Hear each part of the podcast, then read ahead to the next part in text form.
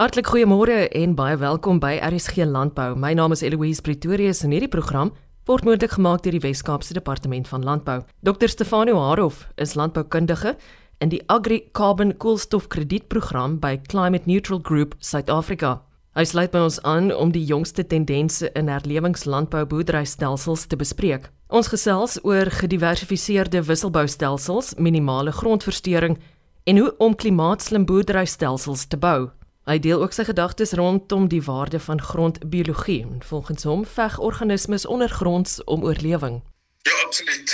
Eloise, um, en dit is belangrik om 'n goeie verstandhouding te hê van die rol wat juis hierdie oorlog behels en al die ekologiese rolle wat uh, die grondbiologie vervul. Ehm um, veral as ons kyk na lewenslandbeboerderystelsels en dan juis om die voordele te pluk van hierdie ekologiese rolle en dan die uitdagings wat saam met dit kom met herlewingslandbou. Um, juist dan nou aan te spreek. So as ons begin kyk, die die storie raak natuurlik altyd kompleks, die dieper mense dit dan vir my dink om dit die beste aan te pak is om om te begin by begin. Ehm um, as ons kyk na herlewingslandbou, bestaan dit natuurlik uit verskeie boerderypraktyke soos minimale grondversteuring, gediversifiseerde wisselboustelsels, uh, permanente organiese grondbedekking en vee-integrasie. En die algemene doelwitte van herlewingslandbou is om grondgesondheid te verbeter en ook klimaatslim boerderystelsels te bou terwyl die ekonomiese land lewensvatbaarheid van die boerderystelsels gehandhaaf word. En as jy kyk dit dan oortrek op grondorganismes, die grondorganismes handhaaf 'n belangrike en komplekse ekosisteem in landbegronde. En elke organisme verskaf vele funksies in hierdie ekosisteem en in die grondplant verhouding en hierdie funksies dra veral by tot energieomsetting, katalisasie van voedingsstofsiklusse en om algehele grondgesondheid te handhaaf. En die kommunikasie tussen plante en mikrobes is noodsaaklik vir vir grond vir die grondekosisteem funksionaliteit. So plantgroei oor die algemeen word onderhou deur verskeie faktore soos koolstofdioksied, sonlig as energiebron en voedingsstowwe en grondwater.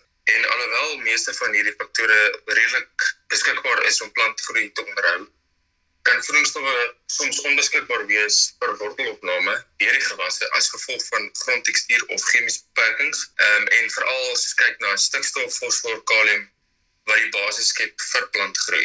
En wat as jy dan met aanspreekende bemestingsprogramme indien dit nie beskikbaar is nie, maar dit is juis hier waar ons die waarde van grondbiologie kan inbring in ons landboustelsels. So die ontsluiting van die grondvoedingsstofpool kan bereik word deur die vestiging van 'n verrykte grondmikrobiese gemeenskap. En grondmikrobes soos bakterieë en swamme kan voedingsstowwe voedingsstowwe wat andersins onbeskikbaar is vir plantopname uit organiese grondmateriaal en die grondmatriks omskakel na vorms wat beskikbaar is vir die gewas om op te neem. In ruil daarvoor stel die plantwortels voedingsstofryke verbindings vry tydens vegetatiewe plantgroei wat dan as voedsel voedselbron dien vir die bakterieë en swamme. En dan hierdie hoë konsentrasie energieryke voedselbron in die riosfeer en hierdie riosfeer is natuurlik die onmiddellike area rondom plantwortels lei tot ryk swam en bakteriese gemeenskappe. En dan hierdie gemeenskappe op hulle beurt lok weer alwurms, protozoë en ander mikroorganismes om op hulle te voed en stel dan hierdie ongebruikte voedingsstowwe vry vir plantopname en so word die voeding voedselketting in die grond verder bevorder. Wat is belangrik vir boere om te weet in die verband? So ek dink veral moet mens kyk na die spesifieke behoeftes van jou boerderystelsels en met watse watse faktore jy het om mee te werk in terme van jou grondtipe, jou omgewingstoestande in terme van jou reënvalpatrone en hoeveelheid reën wanneer jy kry en wat met watse tipe gewasse jy boer. Ehm um, want elke tipe boerderystelsel met al hierdie faktore vereis spesifieke behoeftes. Ehm um, en dit kan nie net gesien word as 'n enkele benadering tot grondbiologie en van daar af die boer terug te sit en ons as landboukundiges hoef ook niks verder te doen nie. So indien byvoorbeeld as ons verder kyk na die rol van swamme in jou stelsel, verwys Mikrisa na die simbiotiese verhouding tussen spesifieke swamme en jou plantwortels van jou gewasse. En dan in hierdie verhoudings byvoorbeeld koloniseer die swamme die plantwortels en die wortelpunte word dus infiltreer deur hulle en hulle mikroskopiese klein haaragtige wortels vergroot die omliggende grond wat die wortel op wortel oppervlakte van die gasheerplant vergroot. dan hierdie netwerk verskaf dan 'n meer effektiewe manier om water en voedingsstof opname strategieë vir die plante te verseker. Ehm um, weer eens ontvang die swang energieryke voedingsstowwe van die gasheerplant om op te voed in ruil daarvoor en natuurlik 'n habitat om in te werk en in te bly. Grondbewerking vernietig natuurlik al hierdie tipe netwerke, ehm um, wat dan die plante voorkom om mikrogemeenskappe met grondorganismes te skep en dit uitmis op die voordele van betrokke ekosisteemdienste. So net om dit weer terug te trek na die vraag wat jy gevra het is indien 'n boer juist in 'n sukkel met voedingsstofopname of iets en swak voedingsstofverspreiding in sy gronde of hy sit met grond pH beperkings, kan hierdie dus dan gesien word as 'n benadering om hierdie probleem aan te spreek. Veral in samewerking natuurlik as jy dan in jou herlewingslandboupraktyke toepas. Want Eloise, dit is baie belangrik om te besef dat gesonde landbouekosisteme vereis insette van die grond, chemies, biologies en fisies plante ehm um, in terme van 'n habitat en 'n voedselbron vir die organismes en dan ook natuurlik omgewing soos ek vroeër genoem het. Maar dan meer belangrik is om die menslike insette wat dan kan geklassifiseer word as jou agronomiese bestuurspraktyke in lyn te bring met hierdie natuurlike insette om gedegradeerde grondplant ekosisteme te herstel en die wisselwerking tussen hierdie insette te handhaaf en as mens kyk na die na mens na die huidige landbestelsels wat gevolg word wat nie oral so is nie maar die oormatige gebruik van eksterne insette soos chemikale en grondverseringspraktyke het juis hierdie komplekse kommunikasiestelsels in ons landbegronde afgebreek. En waar is dan nou lewenslandbou kan gebruik as aanpasbare benadering om hierdie gronddiversiteit van gedegradeerde gronde aan te vul en te handhaaf Dr Stefano Harof is landboukundige in die Agri Carbon Koolstof Kredietprogram by Climate Neutral Group Suid-Afrika. Assistent direkteur innovasie, tegnologie ontwerp en oordrag by die Departement Landbou Wes-Kaap, Ari van Ravenswaai verduidelik hoe uitvoerkwaliteit van volstruisleer met behulp van innoverende tegnieke verhoog word. Dis 'n baie interessante projek rondom die volstruise. So dit gaan rondom die kuikens en die gehalte van die leerkwaliteit, veral die uitvoerkwaliteit van die leer. So tans word kuikens se naels gesny met 'n hot blade. Dis basies 'n lem wat warm gloei en dan word die naal afgesny by die punt. Die naal word afgesny want hulle krap mekaar, die kleintjies. Binne in die hokke klim hulle op mekaar, hulle krap mekaar en daai los letsels, krapmerkies, skade op die vel. Daai skade op die vel bly daar tot en met hulle geslag word.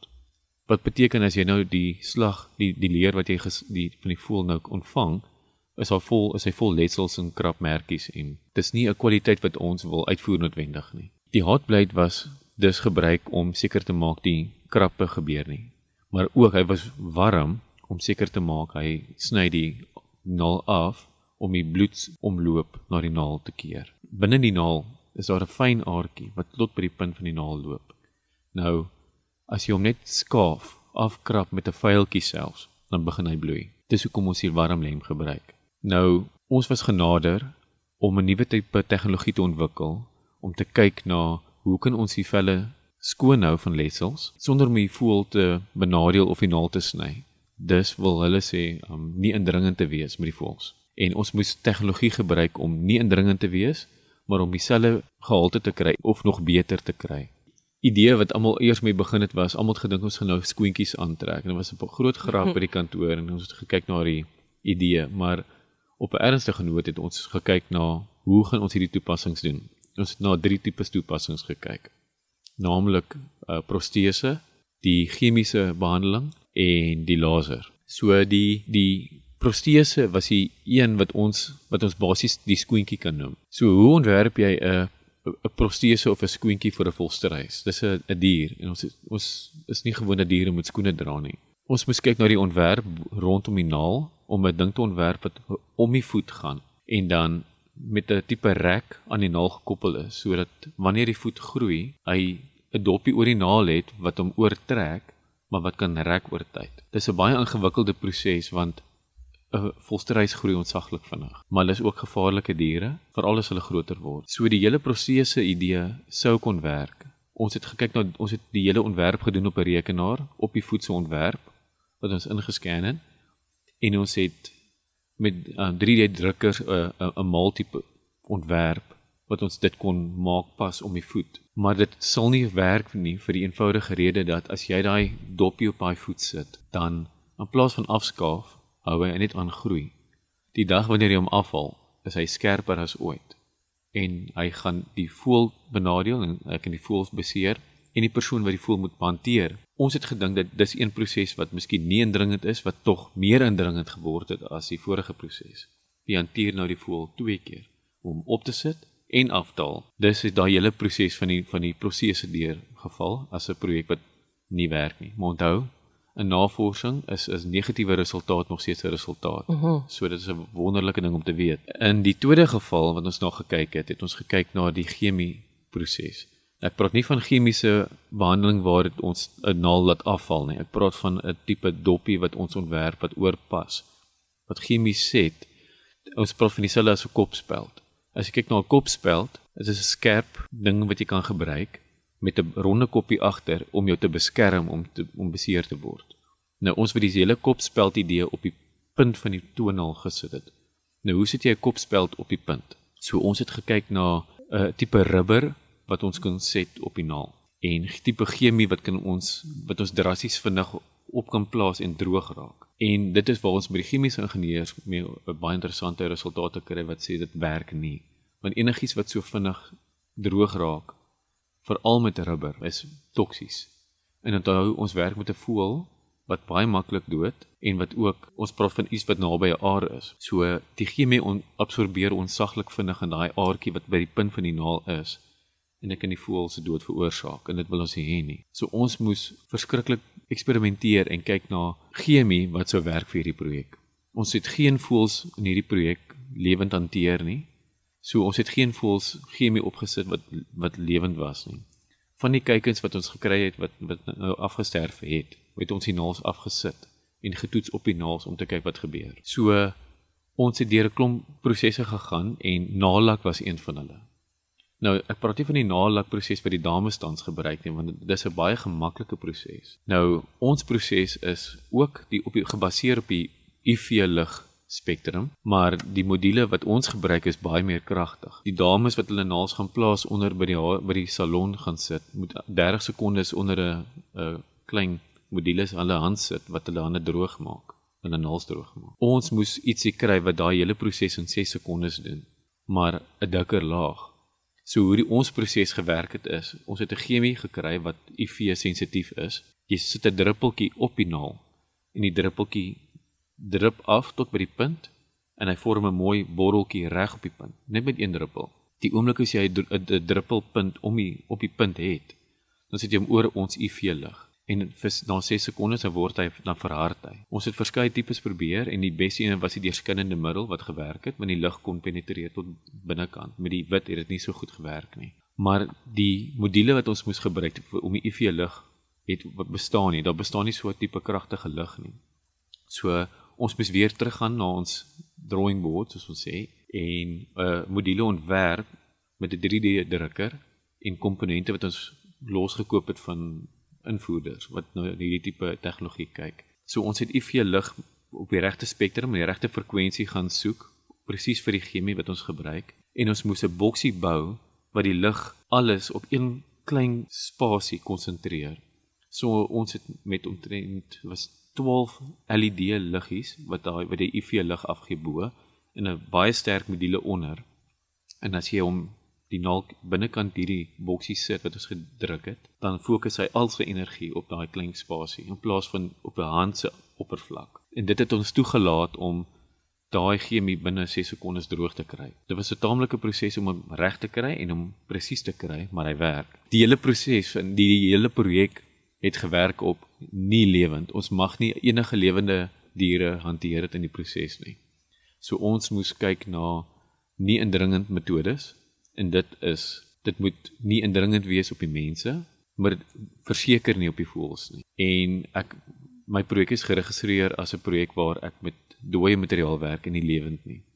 So alles wat ons nou noem was eers getoets op dooie materiaal en in 'n laboratorium omgewing. Dit dan assistent direkteur innovasie, tegnologie ontwerp en oordrag by die Departement Landbou Wes-Kaap, Ari van Ravensvai. Onthou hierdie asook al ons ander programme is beskikbaar op www.elsenburg.com. Môre om kwart voor 12 is ek terug met nog landbounuus hier op RSG. Ek is Eloise Pretorius en ek wens jou 'n wonderlike Vrydag. Totsiens.